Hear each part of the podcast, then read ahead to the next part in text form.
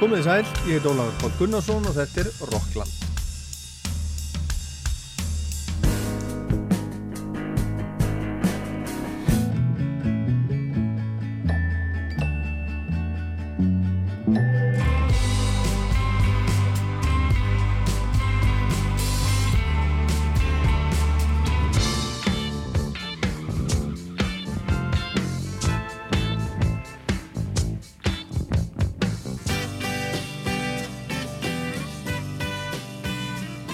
Æslandi Erfefs er hinnum með hodnið, bara núna í vikunni, 50 dag, 1. dag og lögadag, aðal dagskráin, en svo eru uh, reyndar svona utan dagskrár, dagskrá off venue, líka eins og hefur alltaf verið, það spilaði í blödubúðum og, og hér og þar.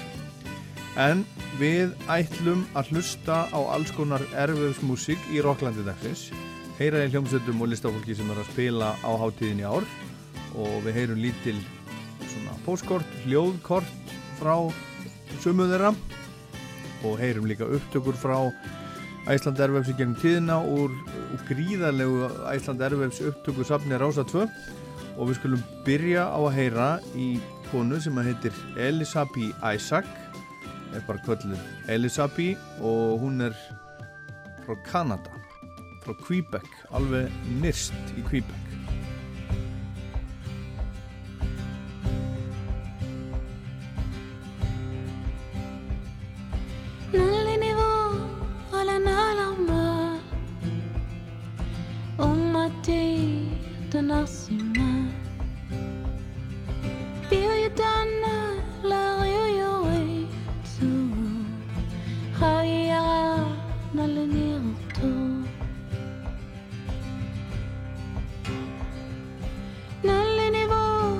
تخاني اسم تل sitting all nice and neat. Dan na yuri tu wo dau to na nga na mangi ma, na le ne homa. Da da li ha, ye nga, ha ni la, nga ni na, ma na, lo, na to ha, na, si.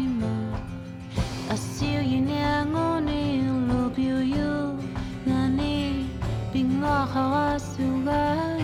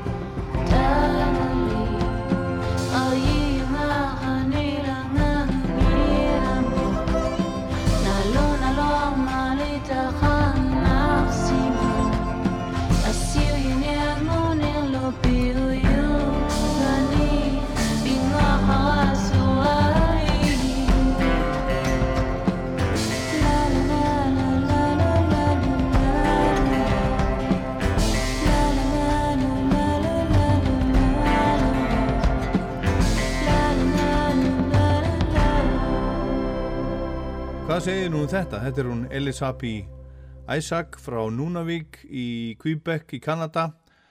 Pappinar er frá Nýfudnalandi og mamman Inuiti, þarna af þessum, þessum slóðum. Hún er fætt 1977, alin upp í nyrsta þorpi Quebec, Saluit, þar búa réttu um þúsund manns og þetta minnir svona einna helst á, á, á Grænland. En Elisabeth, hún flutti til Montreal 1999, gekk í skóla, lærði bladamennsku en eh, frændennar var í hljómsveit þegar hún var að alast upp, hljómsveit sem var vinsal hérna á sveðinu, hún hétt Súklúk þessi hljómsveit í Saluid og hún fór fyrst á svið með þeirri hljómsveit þegar hún var 12 ára og söng með frændanum og hljómsveitin hans. Og það var þessi frændi sem að spilaði fyrir hana alls konar músík og hafði áhrif á hana uh, mikið af þeirri músík sem er á nýju plötunennar Ennúkti Tutt en þar syngur hún lög eftir Blondi, eins og við heyrðum hérna áðan. Þetta var, þetta var Heart of Glass nema sungið á hennar tungumáli þetta heitir Umati Atanir Simat. En þarna á plötun eru sér allavega eftir uh, líka. Led Zeppelin, Smiths, Metallica, Pink Floyd og Queen og myndböndin sem hún hefur gert fyrir þessu lög eru, eru ansi sterk og segja sína sína sögu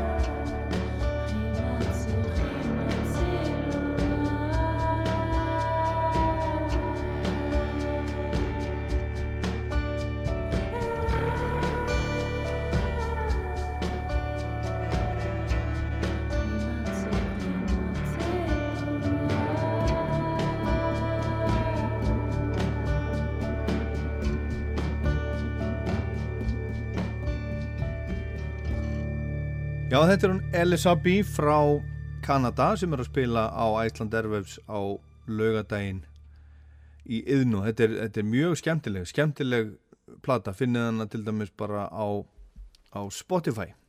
Og svo er líka Æsland Airwaves playlisti á Spotify sem þið getið geti tjekka á með, með fullta músík, með, með fólki sem er að spila í ár. En Elín Borg, litla sýsterinnar Æfur, hún kemur fram tvísvar förstudag og lögadag á RVFC ár.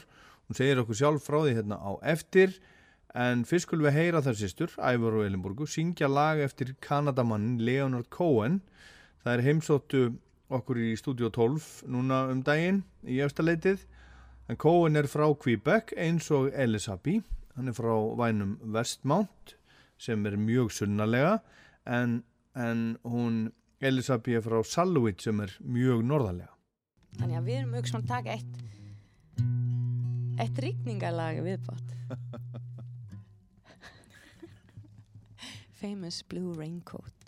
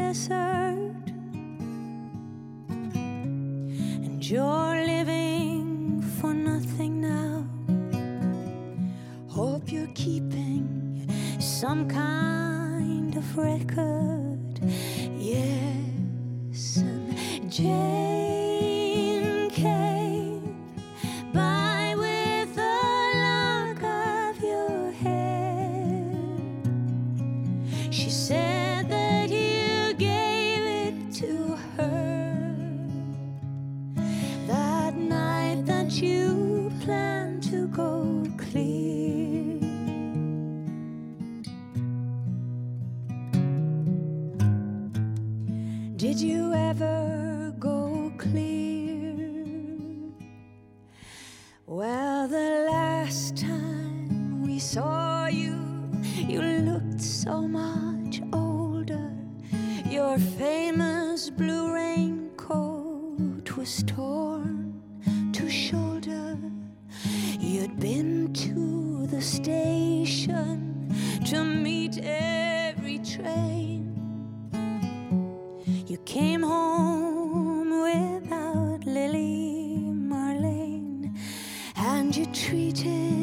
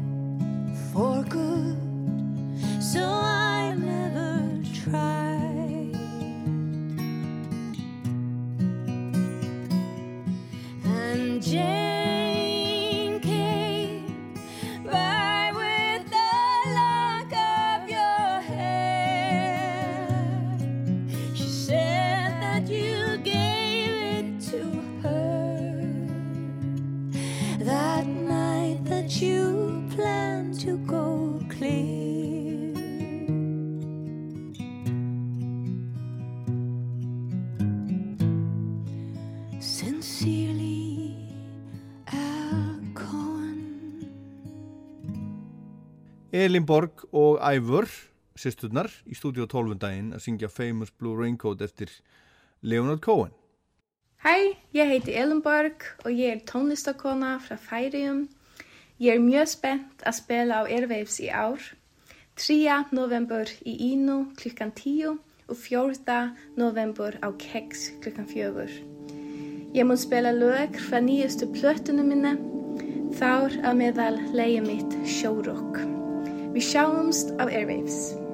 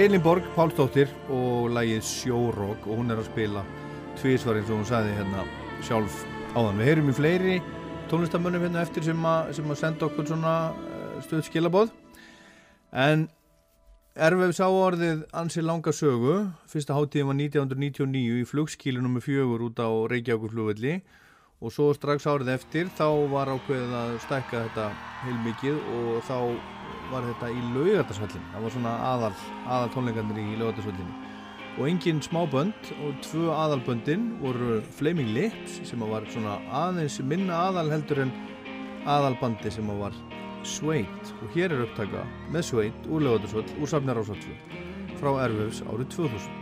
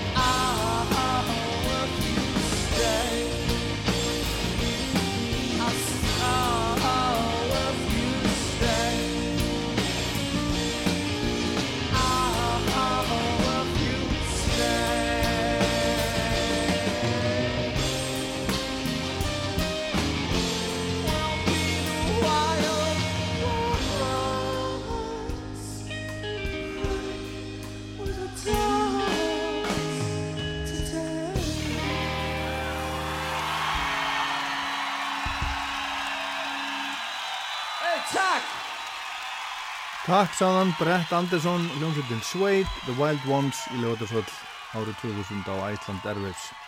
Og nú er Suede og uh, Manic Street Preachers að fara að tóra saman og það er óbyggilega margir, margir miðaldra sem að skella sér á það. En núna á Airwaves í ár kemur hljómsveit, ennsk hljómsveit frá Leeds sem heitir Yard Act.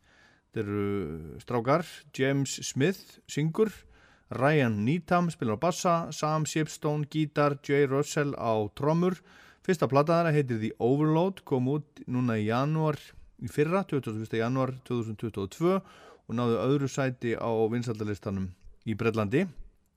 Þetta eru að ungir strákar í svona frekar típiskri uh, rock hljómsveit, pop rock hljómsveit árið 2023. Jardakt. I was woken by a bang. And I could already taste the pain, the sudden fear that grips and shakes you when you face the truth. Whose sofa was this? Where were my shoes? What did we do last night? I don't remember leaving Nathan's house. Oh yeah, how could I forget why my pants were soaking wet when we've been pissing ourselves laughing at the news? Did you see it too? It was incredible. They played it on a loop. We couldn't believe it. Basically, they discovered that there were others just like us, other beings, other creatures, other planets, and other species who had other gods that they believed in. And they interviewed all of them, and every one of them, not one, could give any hint of a clue what they were doing here either. It's all so pointless. It is, and that's beautiful. I find it humbling, sincerely. When you're gone, it brings me peace of mind to know that this will all just carry on with someone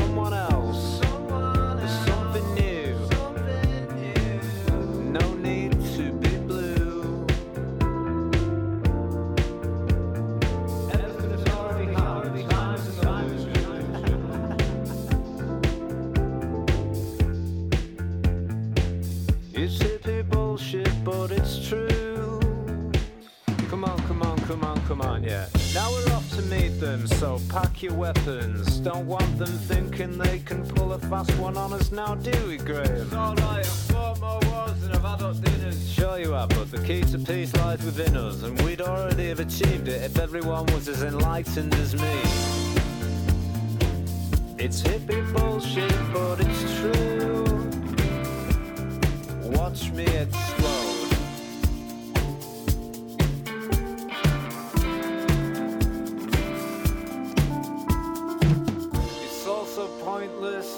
but it's not though, is it? It's really real, and when you feel it, you can really feel it. Grab somebody that you love, grab anyone who needs to hear it, and shake them by the shoulders, scream in their face. Death is coming for us all, but not today. Today you're living it, hey, you're really feeling it. Give it everything you've got, knowing that you can't take it with you, and all you ever needed to exist has always been within you. Give me some of that good stuff, that human spirit. Cut it with a hundred percent endurance.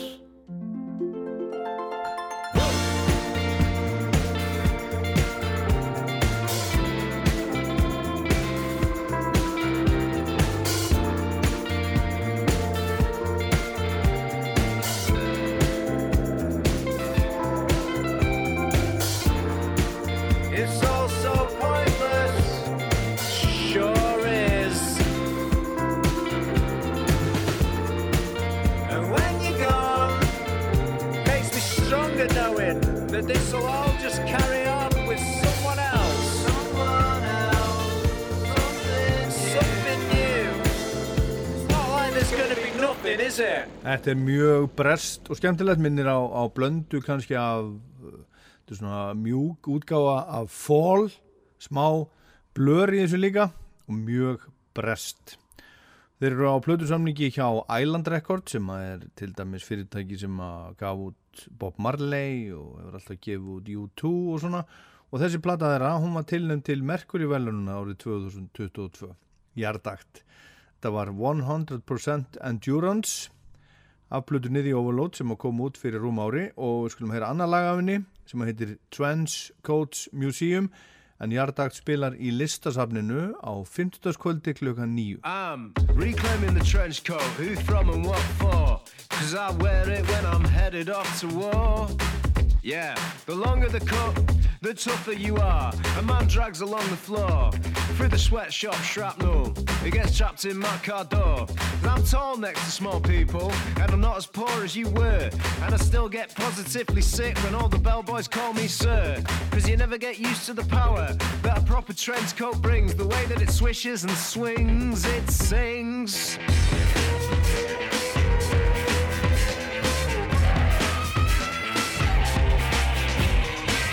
History of the trench coat, what it represents and who it's for? What I want to know is who would want a coat so close to the floor. I went to the trench coat museum to see him. A thousand different cuts, like parts from another dream, stuffed and bursting at the seams. Cause I'm fishing for a theme. If it's somewhere in between a day's honest graft and constantly fleeing the crime scene.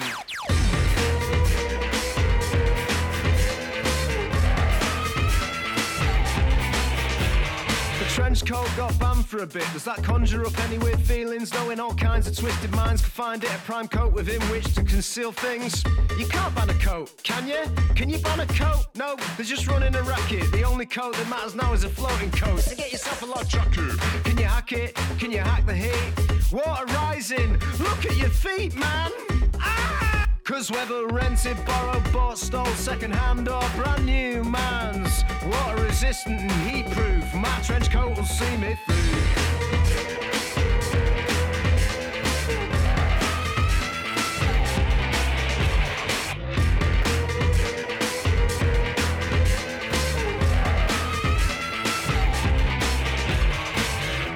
I'm gone, I want all of my trench coats framed and my knackered boots and dirty glasses tastefully arranged on the plimps in between. Cause when they get to the final exhibition that celebrates my good name, I want you to be on display too. Cause all that really remains of me is you. Here we go.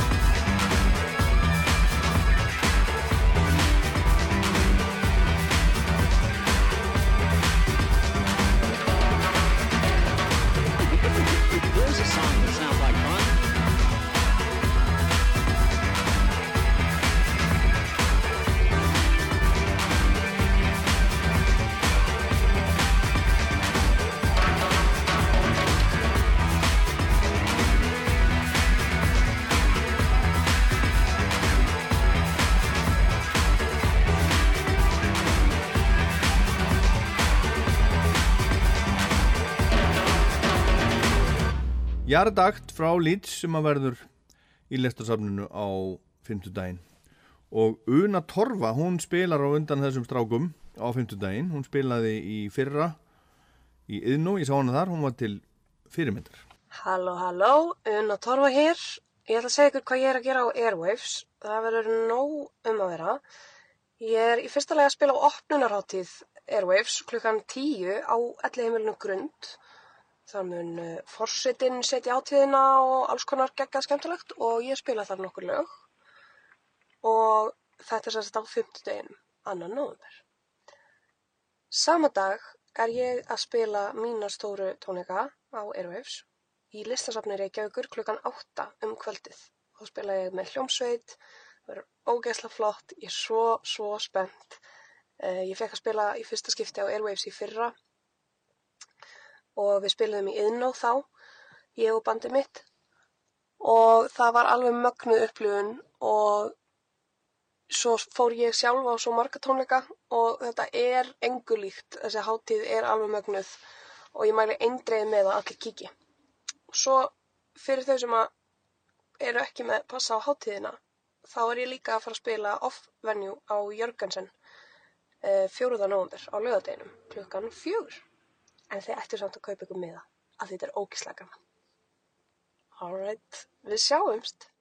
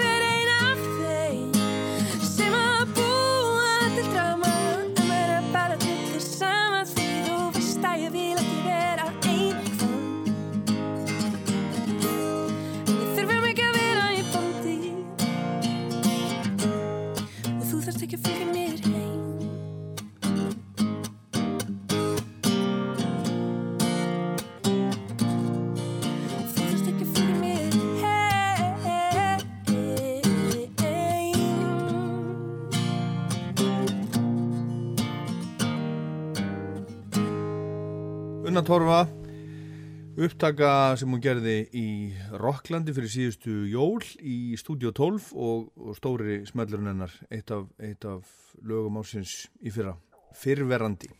Já, halló, ég heiti Elin Hall og ég er að spila í fríkirkjunni á Airwaves þann annan november klukka 19.30 og það má segja að þetta sé mjög sérstakur dagur fyrir mig vegna þess að á miðnætti þetta kvöld eða í rauninni þegar þriði nógumber gengur í garð þá kemur platan mín heyrist í mér út um, á öllum helstu streymisveitum. En þetta er plata sem ég er búin að vera að vinna í síðustu þrjú árin og nú þegar eru kom, komin út fjögur lög af plötunni og við ætlum að taka jú, svona mest alla plötuna og, og kannski eitthvað gömul og góð líka. Um, og við hlökkum mjög mikið til við erum á fullu í undirbúning ég er með einvala liða hljóðfæralegur með mér og gott fólk sem passar upp á estetíkina og lætur okkur lítið út fyrir að vera aðeins meira cool en við erum. Það skiptir mig ótrúlega miklu máli þegar ég held tónleika að uh, fara í svona svo kalla ferðalag eh, og taka áhörenduna með mér. Um, ég elska að segja sögur og ég vil reyna að láta þetta snúast eins mikið um áhörendunar eins og mig. Við erum í þessu saman, það má ég segja þetta sé svona svolítið kvöldvöku stemning um, efni viðurinn á plötunum minni heyrist í mér er mjög drungarlegur og melankólískur en við reynum að jafna það út með miklum húmor og leikleiði og já, ég held bara að þetta verði bara mjög kósi um, já, hérna ég er allavega mjög spennt og hlakka til að sjá okkur í fríkirkjunni þann 2. november uh, klukkan 19.30 sjáumst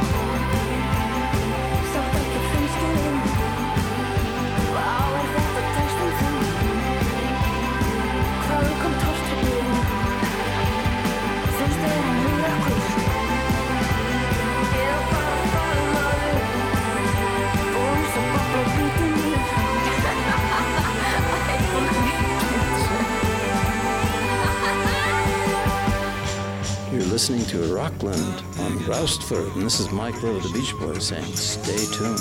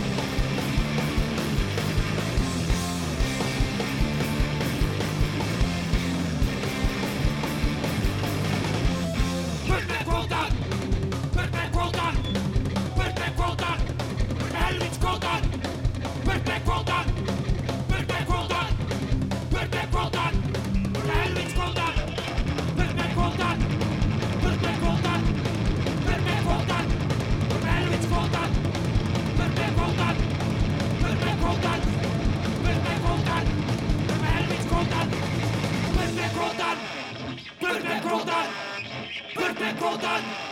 Elvins, well done! Perfect, well done! Perfect, well done! Perfect, well done! Perfect, Elvins, well done! Perfect, well done!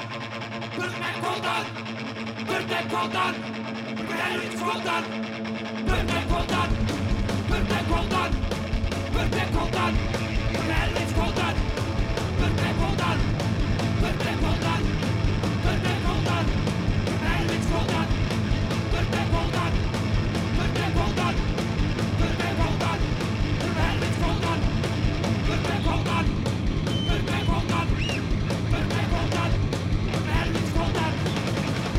Kvótan Burt með kvótan Burt með kvótan Burt með kvótan, þetta hafa margir sungið og, og, og lengi en kannski engin eins kröftulega eins og þessi hljómsveit. Punk hljómsveitin Rass þetta er upptaka frá Æsland Erfæðs 2005 í listasafninu, Óttar Proppi að syngja hann sem að síðar átti svo eftir að verða heilbreyðisráð þeirra okkar Íslendinga. En 2002 var sænska hljómsveitin The Hives eitt af stóru nöfnunum á Æsland Erfæðs skulum heyra tónda með það þetta er tekið í Laugardalshall á stóra sviðinu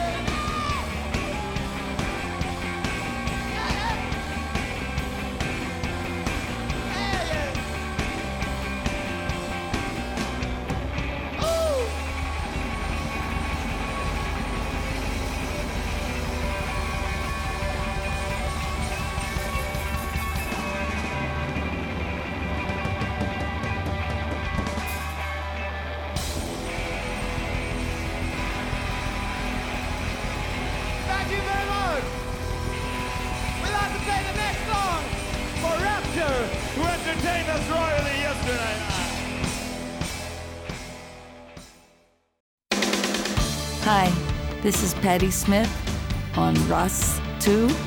I'm in Iceland. I want to say hello to everyone and remind everyone that people have the power.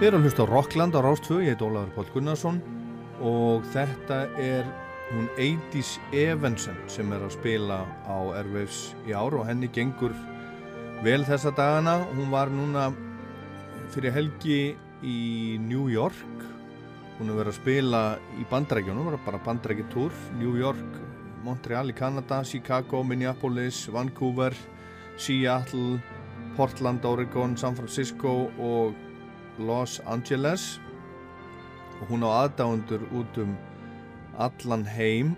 Og núna í þessum túr þegar hún var að spila í San Francisco til dæmis þá hitaði upp fyrir hana á ukulele konan sem heitir Sylvie Simmons. Kannski þekkja einhverju sem var að hlusta þetta nafn. Sylvie Simmons er, er svona eins og Andrea Jónsdóttir í bandarækjunum hún er, hún er bara góðsögn í lifanda lífi. Tónlistagaggrinandi hún er til dæmis konan sem er talað um að hafi uppgötað Guns N' Roses og hún tók síðasta viðtalið við Johnny Cass meðan hann, meðan hann lifði. Og hún var svolítið að hita upp fyrir Eidísi Evansen í San Francisco. Hún spilaði núna í janúar á þessu ári á Eurosonic Festival í Hollandi. Það voru tvö atriði frá Íslandi á hátíðinni þá Árni Margret sem við heyrðum í þennu eftir og Eidís Evansen.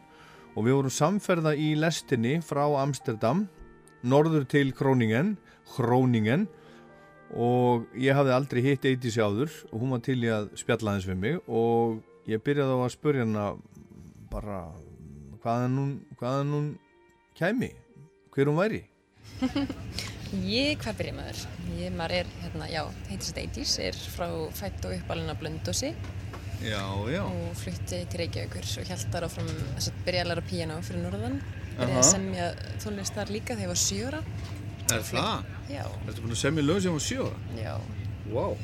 Þannig að að, já, fluttum í þess að söður 2004 hjæltar áfram pianonáminu mínu bara hefur verið að semja síðan Já. ætlaði svo að fara í píanonám Erlendis en það breytist smá farvegurinn og flutti hérna til London fyrir að vinna sem fyrirsæta staðinn Já. og hefur verið að semja alveg síðan svo loksins núna hérna 2017 þá byrjuðum við Nick að vinna saman Nick er umbásmaður minn og þá einhvern veginn byrjaði boltinn svona rúla almennilega Hvernig gerðist það og, og af hverju byrjuðu þið, þið að vinna saman? Þess að ég þekkt Nick alveg í plus tíu ár og þegar ég flutti til London þegar ég var hérna, 2013 þá var hann að hérna, sjá um einhverja hljómsdir þar og svona heldum alltaf vinskap Mhm. Og svo í New York þá hérna, mér langi alltaf að vinna með tónlist, það var eina sem ég vissi. Þannig að ég var að reyna að finna leið til þess að láta það ganga upp. Þannig að Nick var eitthvað svona, hei, prófaði að senda En mér. þú, en þú varst sem sagt í London að vinna sem fyrirsætt? Já, flutti svo til New York síðar. Og var ferðast um allan heiminn. Bjóð í ferðartösku í svona 7-8 ár. Sem Fyrirsæta, og samt, þurfti alltaf að finna líka samt píanóið í hverju borg sem ég var í. Það var alltaf svona kjartinn minn alltaf svona. Já. Já. Þannig að þú ert, þú ert svona, þú ert ekkert, ekkert búin að vera neitt lengi sagt í þessu svona tónleikabrasi. En þú er búin að vera samt að ferðast um allan heim í mörg ár og... Já, já. Við var líka alveg að spila mikið þegar ég lærði klassík, hann er svona með ákveðna svona Já, performance-reynsli það. en, en aldrei í músiktilrunum en eitt svoleiðis? Nei, fyrsta sem við gerðum var að hérna, taka þátt í Airwaves 2018. Mhm. Það var svona fyrsta, fyrsta giggið, almennilega. En, en ég veit að þetta er leið, leiðileg spurning, en hvernig lýsir, lýsir tónlistinu? Hmm, þannig fyrir sjálfa mig þá er þetta svona, eh, svona mínar tilfinningar og upplifanir, svona beint, svona beinæðin í tónlistina. Þannig einhvern veginn svona mjög, uh, þannig persónulega fyrir mig, svona hugle, hugleitt á áskonar tilfinningum, svona, instrumental, piano, strengja, blanda, hvernig, Ég er svona að setja aðeins í samband við, við Ólaf Arnalds. já, já, þetta er svona Er í þessu postklassíska rauninni. Já, er, er, þetta er kallað post-klassik. eða neoklassík. Já. Já, og ertu, ertu sáttu það? Ég, ég hef aldrei held ég hitt tónlistamann sem, sem, sem er sáttu við einhverja skilgrinni einhver, einhver, einhvers annars fólks að þetta sé svona hins einn. Ert þú, ert þú sátt við þessa skilgrinningu? Jú, jú, að að einhverju leiti. Þetta Já. er bara þessi, þessi heimur og fólk skilgrinni með sínar eigin skoðanir gegn því en þetta er bara, já, ekki Já. hvað ég segja. Já, þetta er merkilegt. En, en hvað, sko, um, af, hverju, af hverju, þú veist, af hverju kemur þessi músík en ekki eitthvað eitthva annað? Þetta er í rauninni svipa bara frá því að byrja að semja þegar ég var 7 ára. Sem sagt, hérna, var ég fyrir smá persónulega áfælli þá fyrir norðan og vissi ekki, kunni ekki að það var mín leið til þess að losa um þær tilfinningar. Þannig að ég hef alltaf gert það með tónlistina, þannig að það einhvern veginn hefur bara verið þessi, jú, náttúrulega mjög inspirerur af klassíska heiminum, Mhm. svo sannlega. Þetta er svona samblanda af því og tilfinningunum mínum. Já, þannig að þú ert, þú, þannig að svona þínir áhrifavaldar eru kannski, þú veist, það er meira svona klassík, klassík músík heldur en, heldur en pop. Já, í rauninni, að samt svo líka, vá, þetta er, þess að fóreldra mínu voru svona í, hérna, alls konar músík, þannig ég elst alveg upp við, þú veist, alveg frá Tchaikovsky yfir í jazz, yfir í svo bara blasta, hérna, Led Zeppelin og Pink Floyd, að kvöldin, þannig ég svona kynnist þessu, þessu öllu saman, þannig ég svona sæki, jú, innblastur einhvern veginn úr, út frá mörgum ólíkum stefnum, en kjarnin, jú, svo klassík, og svona Philip Glass og líka í svona Radiohead og Tom York, svona Aha. atmospheric, einhvern veginn. Hvað gaf það þér að, að alast upp svona út á, út á land? Ef, það mótaði eitthvað? Svo sannarlega, það var ótrúlega mikið frelsi og bara mikill innblástur frá náttúrunni, veðráttunni, þú veist að læsast inni kannski í tvo, þrjá daga alveg rafmagnslust, það er ekkert annað að gera bara að spila tónlist. Þú veist, veist, mín öll eldri fjórsískinni spyrir öll að hljóðfæri og með svona músík í fjölskyldinni, þannig að það hefur alltaf verið okkar svona, já, Kemur úr tónlist af fjölskyld? einhver leiti, Já. já, allavega mikil, mikil áhugi fyrir tónlist. En það var ótrúlega mikið frelsi bara að alast upp á svona afskiptum stað Já. bara, Ég fór í svo góðan göngutúr á Blöndósi í fyrrasumar. já, Fór þarna labbaði, þarna niður frá sundlauginni og niður að sjónum og þarna ánni og upp með ánni og svona mjög, mjög næs. Þannig að þe- þetta eru þínar æsku slóðir. já, í rauninni. Það er svona aðeins bara hínum einn í gamla bænum, það er svona upp á hæðinni. Þannig að þú horfið bara út á hotstrandir, reyni út frá glugganum. Aha. Þannig að það er ótrúlega, ótrúlega fallegt og rófandi. En hvernig, hvernig lítur, lítur framtíðin út hjá Eidísi Evansen? Ég er bara að halda þessum að spila, hérna, að spila þessu ári. Er að fara að gefa út plötu sem ég get ekki alveg sagt meira frá eins og er. Nó. En um, það er mjög spennandi og um, bara mikið að ferðalögum og bara Er- koma er- til nýra borga. Er mikið sagt, bókað á tónleikum? Já, sem má heldur ekki alveg segja frá alveg strax. Og, og komið hvað er þetta, ég meina, hv- hvað er þetta að spila í stórum húsum og í hvernig húsum? Um, ég, er ekki alveg, ég er ekki búin að spila svo mikið tónleikum. Þetta eru, í kvöld eru 23. tónleikvelda mínir, bara ever. Já, er það? Já. Ok. Helt svona plan, skýrt, skýrt planur þetta. Um, þetta er svona, já, á öllum stærðar gráðum í rauninni. Það er eitt staður í Evrópu sem er bara 80 kapasir í. Það er svona lítil kirkja, en þetta er svona Já, í rauninni meira verið að finna rétt að venju fyrir þessa tónlist. Svona, svona það sem, atmos- það sem að andurslöftið fittar við. og Ertu fer upp í- Um, verð með allavega kvartett með mér og mögulega nör hljóðfæri. Þetta er svona alltaf, alltaf smetla saman. Þetta er, skemmt, þetta er mjög skemmtilegt allt saman. Gangið er ótrúlega vel. Kærir þakkir. Takk fyrir spjallið. Takk sem er leiðis. Eiti Sefinsen spilar í fríkirkjunni laugadaginn 4. november á Æslandaröfus klukkan 20.50.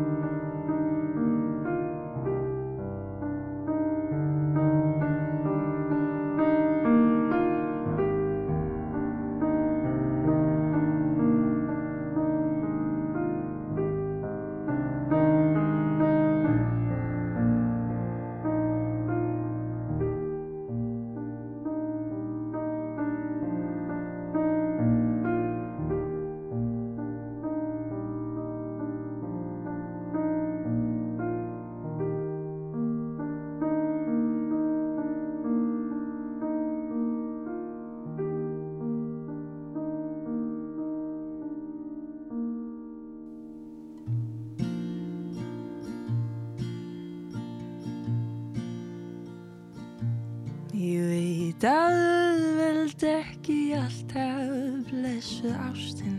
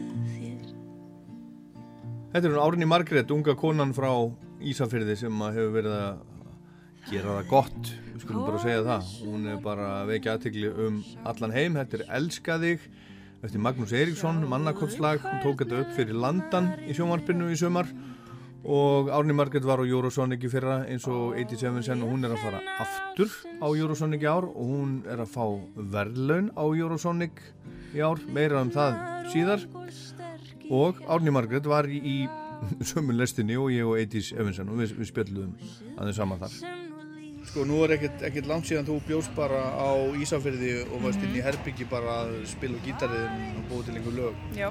Svo ertu bara komin hingað til Hollands og, og, og hingað þangað. Ertu, ég menna, þú veist, reynir þetta, þetta á andlega, er þetta, er þetta erfitt? Já, er það, það er alveg. Já. En þetta er, samt, þetta er svo skrítið. Þetta er bara, stundum er þetta bara ekkert mál og maður er rosa rólegur og stundum er maður alveg að deyja. Sko. Þetta er mjög mismundi bara hvar maður er og hvernig stemmingin er og hvernig einhvern veginn bara. Og hvað, hvað, hvað veldur því svona helst? Ég veit það ekki, ég veit það í rauninni aldrei sko. Eða veist, ég hef verið, verið að túra, ég var að túra til dæmis bara í mæ, tók ég alveg svolítið langan túr, eitthvað, 12 daga túr. Túra með hérna, hann heiti Leif Vollebekk, kanadískur, Evrópu. Og það var til dæmis bara eitt kvöldi var ég svo, ég var svo þreytt og svo róleg, þannig að það var bara mm, besta gig sem ég spila. Af því var bara, ég var svo róleg einhvern veginn að koma inn Aha. og gekk bara vel og eitthvað svona. Svo var annað kvöld sem ég var alveg bara, oh my god, ég Já, er að það. deyja hérna sko. En, en getur þú getur þú reynda svona Af hverju það er? Not, nei, getur þú reynda að notfæra þér þetta einhvern veginn, svona hugsa Mm. Já, eða, eða þú veist, eða þú veist, ertu að ná einhvers konar kontról á þessu? Eða er þetta bara alltaf einhvern svona, einhver óvissum Smá. Verða smá sko, en náttúrulega ég ég er náttúrulega búin að æfa mig og eitthvað svona, Að yfir frá. lögin og, Já, já, og já, gera þetta nokkuð sinnum og eitthvað, en samt sko, maður veit aldrei fyrir en maður kemur eitthvað maður veit ekkert hvað gerist. Nei. Þannig þetta er alltaf, hugsar alltaf stundum Í anskotanum er ég að þessu Stundum, en En- samt, samt ekki alveg strax held ég sko. Ég er hérna, þetta er alltaf læg, þetta er alltaf læg núna sko. Þetta er skemmtilegt. Þetta er allt í góðu. En þetta er mjög áhugavert vegna þess að sko, sumt fólk það talar um það, sko, það er bara með svona einhvern sviðskrekk og kvíða alla æfi. En er samt í þessu alla æfi einhvern veginn. Já, þetta, þetta er líka eitthvað svona, ég veit ekki, þegar maður er búinn og maður er eitthvað búinn að vera kviða fyrir sig rosalega lengi og allt í henni er þetta bara búið og maður er bara eitthvað, yes. Já. Og svo bara fellur maður niður eitthvað, maður er bara ógislega þreyttur, allt búið. En það er svo góð þessi tilfinning bara beint eftir og bara wow, Já. gerði þetta bara, eitthvað svona, spila fyrir eitthvað, þrjúsmanna sali eða eitthvað, bara Já. algjör trugl, Já. gerði það vel og maður er bara wow. Já. Þetta er svona, það er gaman. Þannig að, já, þannig að það er sjálfsagt, maður maður ekki tala um bara, þú veist, einhverja orku sem maður Mhm. fá frá áhorfendum. Einmitt. Er það eitthvað sem að, Já. er það bara eins og svona, eitthvað sem maður sækir í? Ég veit ekki hvort ég sæki það sko, en hérna ég var alveg lent í, ég spilaði í, hérna Toronto, þá var risasalur og þetta er bara frægasta eitthvað í, ég veit ekki, Toronto. Stór salur, þrjúsmanna salur Heitir? og hérna Massey Hall. Já, já, já, já. Spilaði þar og hérna ég var alveg bara rosa stressur, rosa flottu salur og eitthvað bara rosa mikið af fólki hérna inni eitthvað og ég eitthvað mætti bara og svo hérna svo fóru bara allir að hlæja einhvern veginn með mér og voru bara svona rosa með mér í liði og bara fagnarlæti og rosa allt fólki var bara rosa ánægt með þetta Já. þú veist það var alveg bara wow oh my god, Já, já. þetta er allt öðru í sig En þetta er ábyggilega kunst að einhvern veginn að læra inn á þetta, að ná einhvern veginn Já. að gera, hann einhvern veginn náði í því vinna með þetta einhvern veginn, Já. gera það best úr þessu. En hvað, hvað, nú kom, nú kom plataðin út í fyrra, Mhm. They Only Talk About The Weather. Jep, og vinnum En er þetta, þú veist, áttu lagar á nýjum lögum, óútgefnum? já, ég á svolítið mikið af því Er það? já, Helling? já, mjög mikið ég geti búið til tvær viðbútið eða eitthvað Já, já, það er nú gott. Þannig ég er eiginlega bara að býða. Við erum bara að fara að Já, gera en ert alltaf að, að gera nýlög? Já, ég reyna að gera það. Það er nú ekki gott að eiga lagar. Það er bara svona Það er samt- það er samt gamla gott að búr, hafa- Búrpælingin, eiga nóg til. Það er gott að eiga nóg. Þannig að það sé tilbúið sko í næsta. Þannig að maður getur byrjað að hugsa næsta einhvern veginn. Mér stæla betra. En, en, en lögin sem, sem þú ert að gera núna, er það, er það veist, svipað og þú hefur gert eða er einhver breyting? Já, það er svona að svipa og samt ekki. Veit það ekki. Veist, þetta er einhvern veginn bara eitthvað. Ég er bara að gera eitthvað.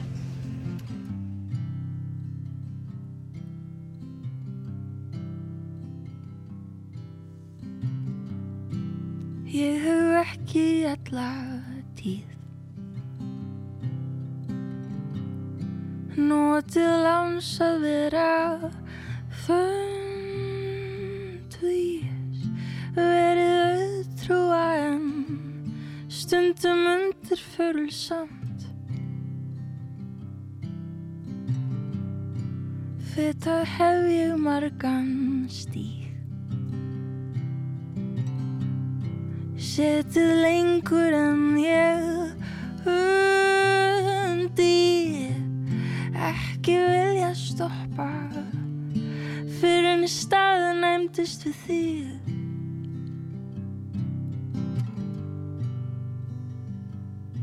Við þig.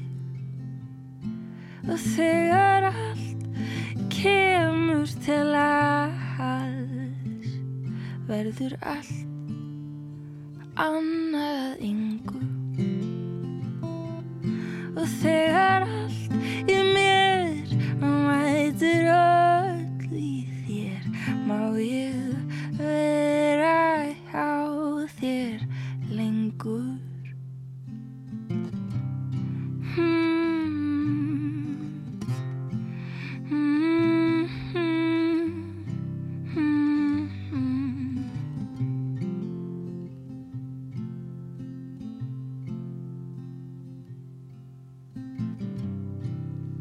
Mætti þér við eldúsborð og þú kom svo vel að orði. Reynd að fara á kostum var ekkert að fást um þig. Dreymdi síðar okkar fund þú sast á mokka á næsta borði. Með þér svartur hundur sem átti erindi við mig.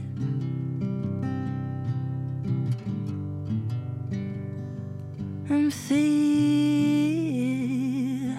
þegar allt kemur til alls verður allt annað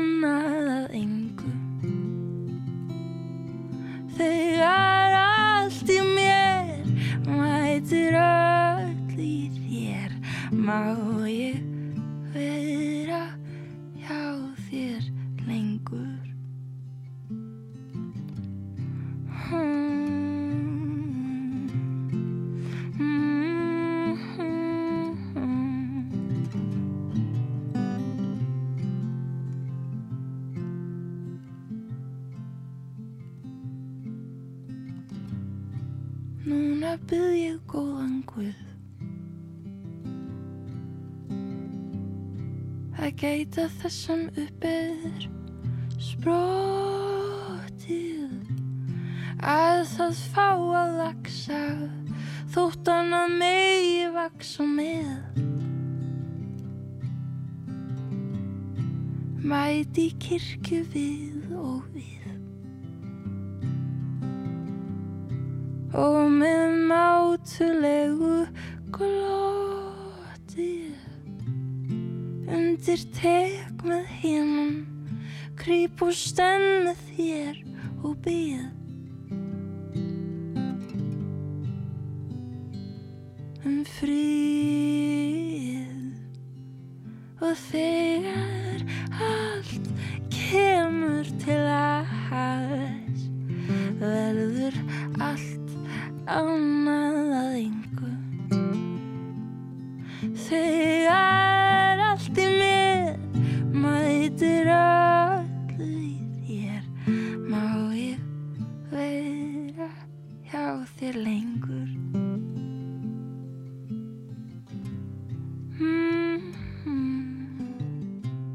Árni Margrét var eitt af lögunum sem hún tók upp fyrir landan á rúf í sumar við og við. Frábært lag eftir Ólöfu Arnalds. Og eins og ég sagði hún er að fara á Eurosonic Festival núna aftur, var í fyrra og er að fara aftur, hún er að fá verðlaun.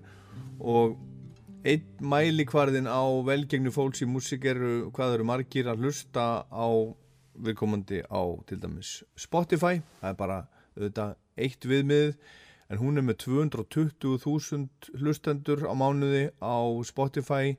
Eidís Evensen er líka með 220.000 og svona bara til þess að setja þetta í samengi þá er, þá er Bubbi Mortens með 70.000 hlustendur á mánuði.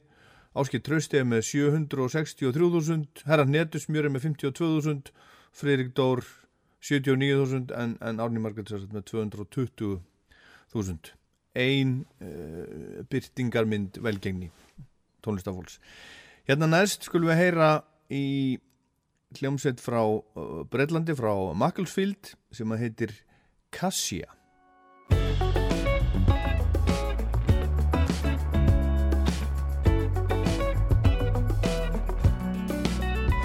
He's a fool, right to live a lie, blurry eyed in a trap of his own.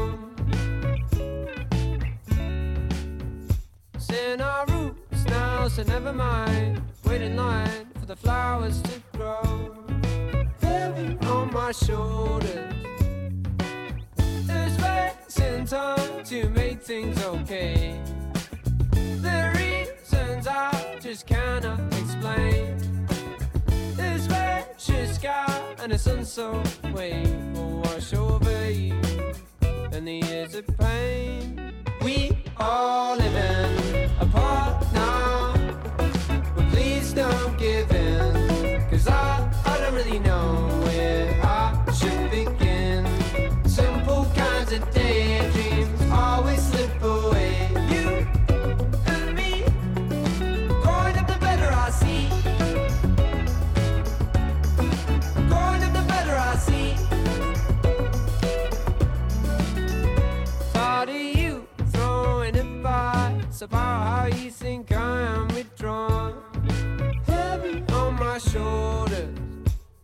Reaching high whilst the weather out. Taught by only seeds of storm. Heavy on my shoulders. There's space and time to make things okay. The reasons I just cannot explain. This precious sky and a sunset wave will wash over you and the years of pain. We are living apart now. Please don't give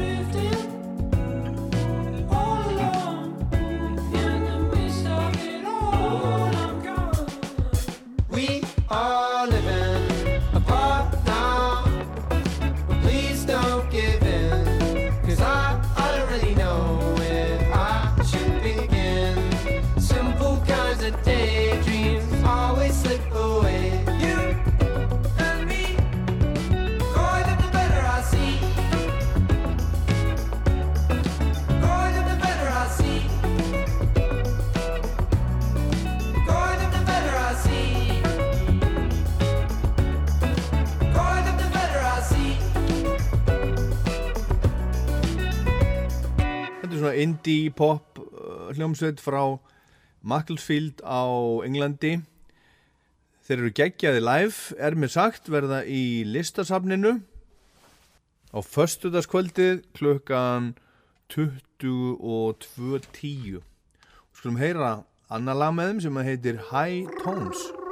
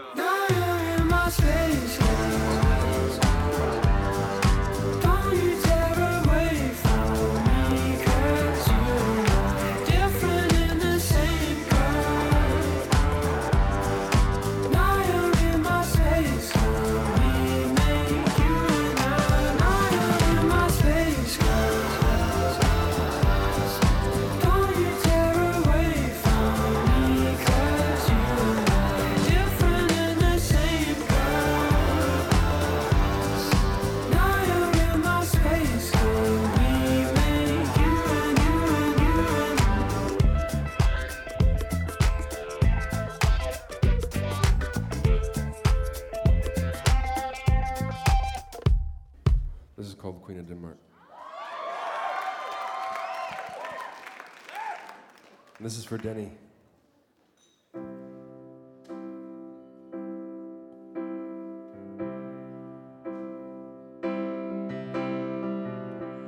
I wanted to change the world, but I could not even change my underwear. And when the shit got really, really out of hand, I had it all the way up to my hairline, keeps receding like my self confidence.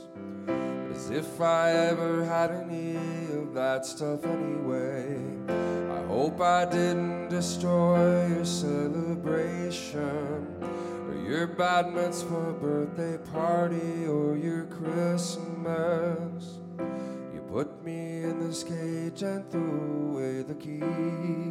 It was this us and them shit that did me in. You tell me that my life is based upon a lie. I casually mentioned that I pissed in your coffee. I hope you know that all I want from you is sex. Be with someone who looks smashing in athletic wear. And if your haircut isn't right, you'll be dismissed. You'll get your walking papers and you can leave now.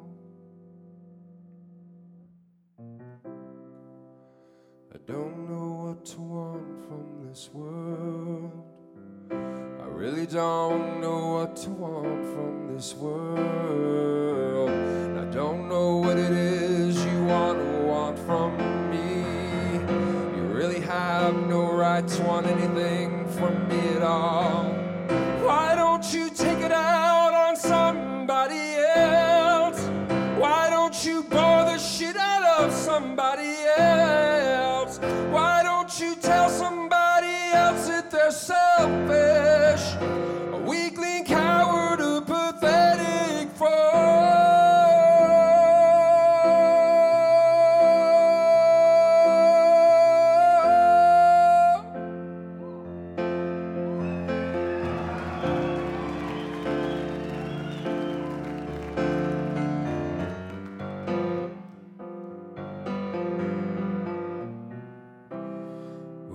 be the one to save me from myself? You better bring your stun gun and perhaps a crowbar. You better pack a lunch and get up really early. And you should probably get down on your knees and pray. It's really fun to look embarrassed all the time. Like you could never cut the mustard with the big boys. I really don't know who the fuck you think you are. Could I please see your license and your registration? I don't know what to want from this world. Really don't know what to want from this world. I don't know what it is you want to want from me. You really have no right to want anything from me at all. Why don't you take it out on somebody else? Why don't you bore the shit out of somebody else? Why don't you tell somebody else that they're selfish?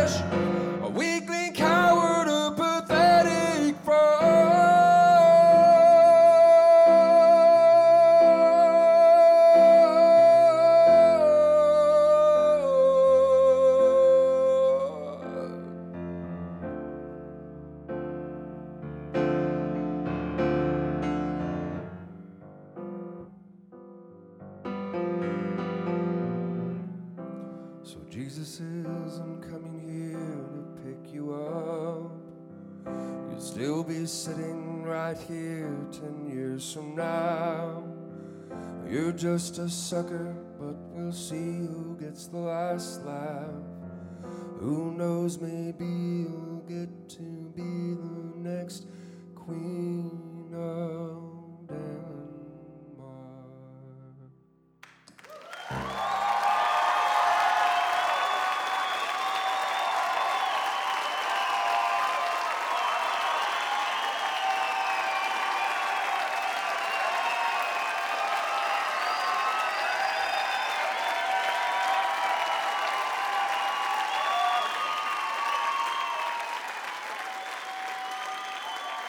Þetta var nú heldur betur magnað erfiðskvöld. John Grant sem var svona uh, svolítið óskrifa blað hjá, hjá Íslandingum þegar hann kom hingað til að spila árið 2011 búin að gefa út eina soloplötu sem var endar valin plata ásins í uh, breska tónlistatímaritinu Mojo en það er með það eins og, eins og annað sitt sínus hverjum sem er fyrst svona uh, velun afhendingar einhverja músik spekinga, bara einhvern snobb og ruggl, en platan hans Queen of Denmark var allavega plata ásins hjá Mojo, þarna áður en hann kom til Íslands, hann kom og spilaði í, í eh, hörpu, þetta var í þetta var í Silfubergi held ég alveg örglega og hann sló í gegn og uh, varði ástfangin á Íslandi og ákvaði að setjast hérna að og er núna orðin íslenskur ríkisborgari.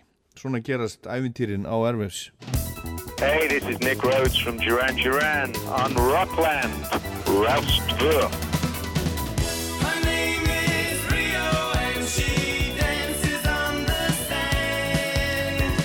Hæ, ég heiti Kári og ég var á Airwaves í fyrsta sinn 2. november í gamla bíói á samt hljósutminni. Þetta verður skemmtilegt prógram. Við tökum lög af fyrstu plötuðu minni Pumped in the Snow. Þau kom út fyrra árinu við góða viðtökur á samt nokkrum nýjum ógönnum lögum sem ég er mjög spenntið fyrir. Kikið endilega við.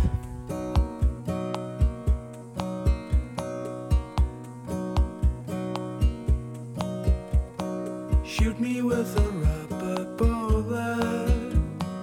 Cut me with a jacket knife.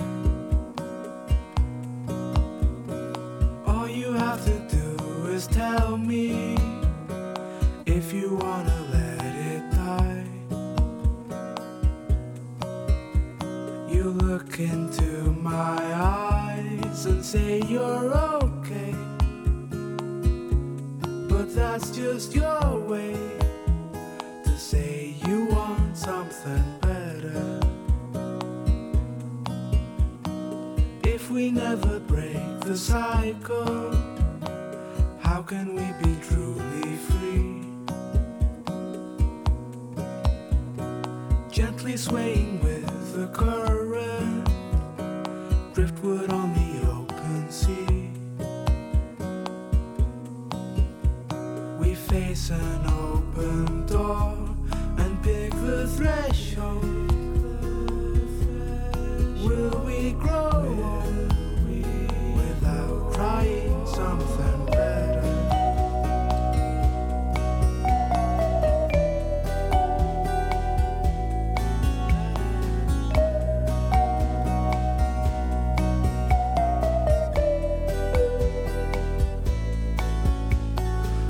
So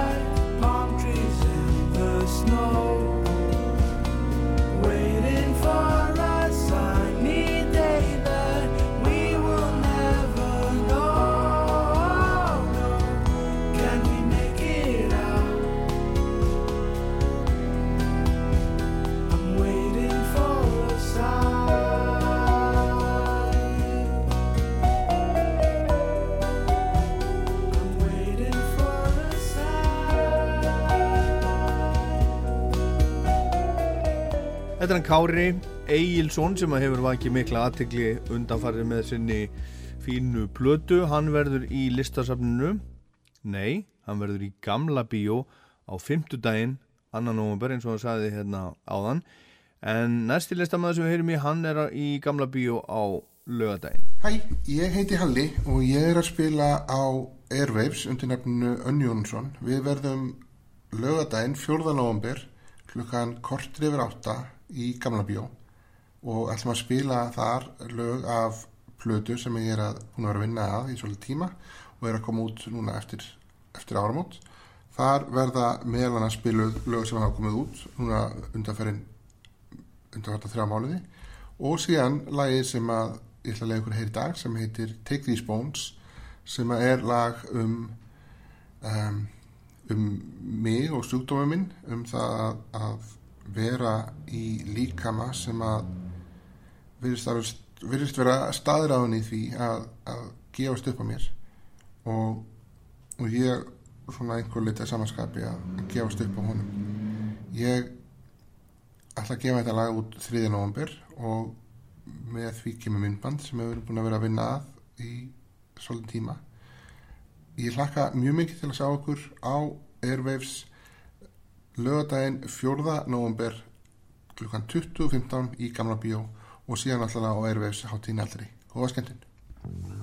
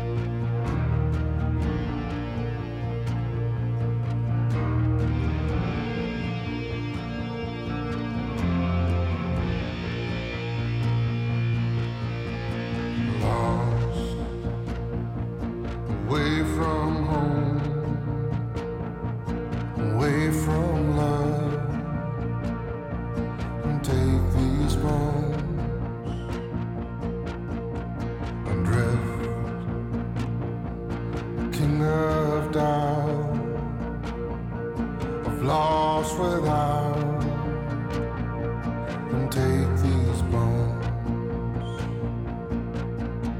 alone. In endless night darkness light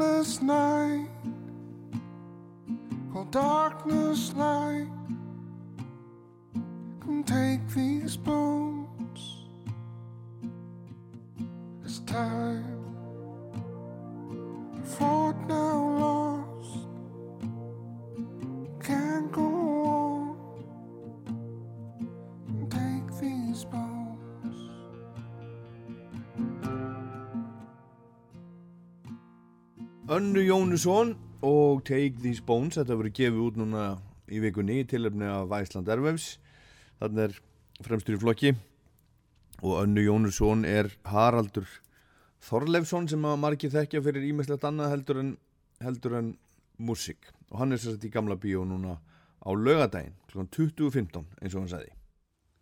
Hæ, ég heiti Marketa Írglófa og ég er tónistakona frá Tjekklandi, búsett hér á Íslandi síðustu 11 ár og ég er rosalega spennt að segja frá því að ég er að fara að spila á erveistónleikum um fyrsta skipti næsta förstu dag 3. november í gamla bíó klukkan 20 mínútur yfir 10.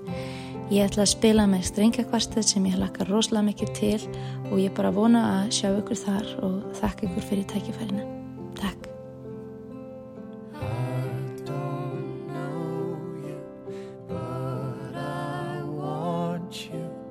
All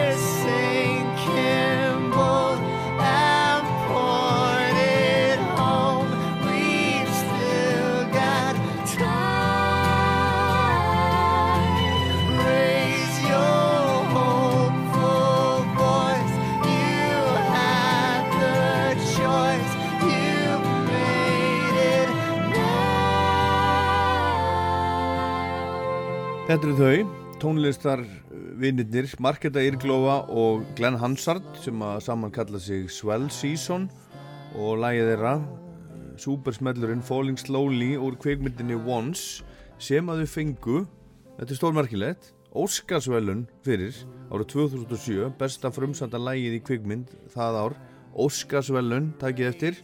Og þau eru eða stittan hennar, hennar Marketu er, er bara heima hjá henni í Reykjavík og hún er að fara að spila á Erfus í fyrsta skipti sá hún og það er núna á föstudagskvöldið í gamla bíói klukkan 22.20 og Glenn og hún hafa alltaf haldið sambandi og við ætlum að enda þáttinn í dag á lægi sem þau sendu frá sér í sömar og þá var tekið upp í stúdíóinu heima hjá, hjá Marketu og eiginmanninum Master Key Studios. Og þetta er alveg hrikalega flott lag líka eins og Falling Slowly. Og þarna eru með þeim um, tónlistahjónin Helgi Hrafn Jónsson og Tína Díkó í Gusti, Guðmundur Óskar og Hjaltalín hann spilar þarna á bassa og eru þetta tónlistastjóri líka í, í nýju lífsýningunars bumba svona tengist þetta allt saman heimurinn, hann tengist allur allt tengist Þetta lag heitir The Answer is Yes og þetta var Rockland, Æsland Erfæf sem næstu helgi. Góða skemmtun til sem ætlum að fara á hátíðina en við á Rástvöðu ætlum að, ætlum að koma hátíðinni í gegnum útarpi til eh, ykkar allra sem að hafið áhuga eins og alltaf.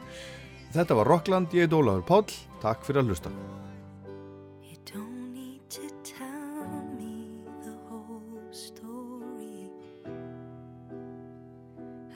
Was there when it happened. It wasn't all roses and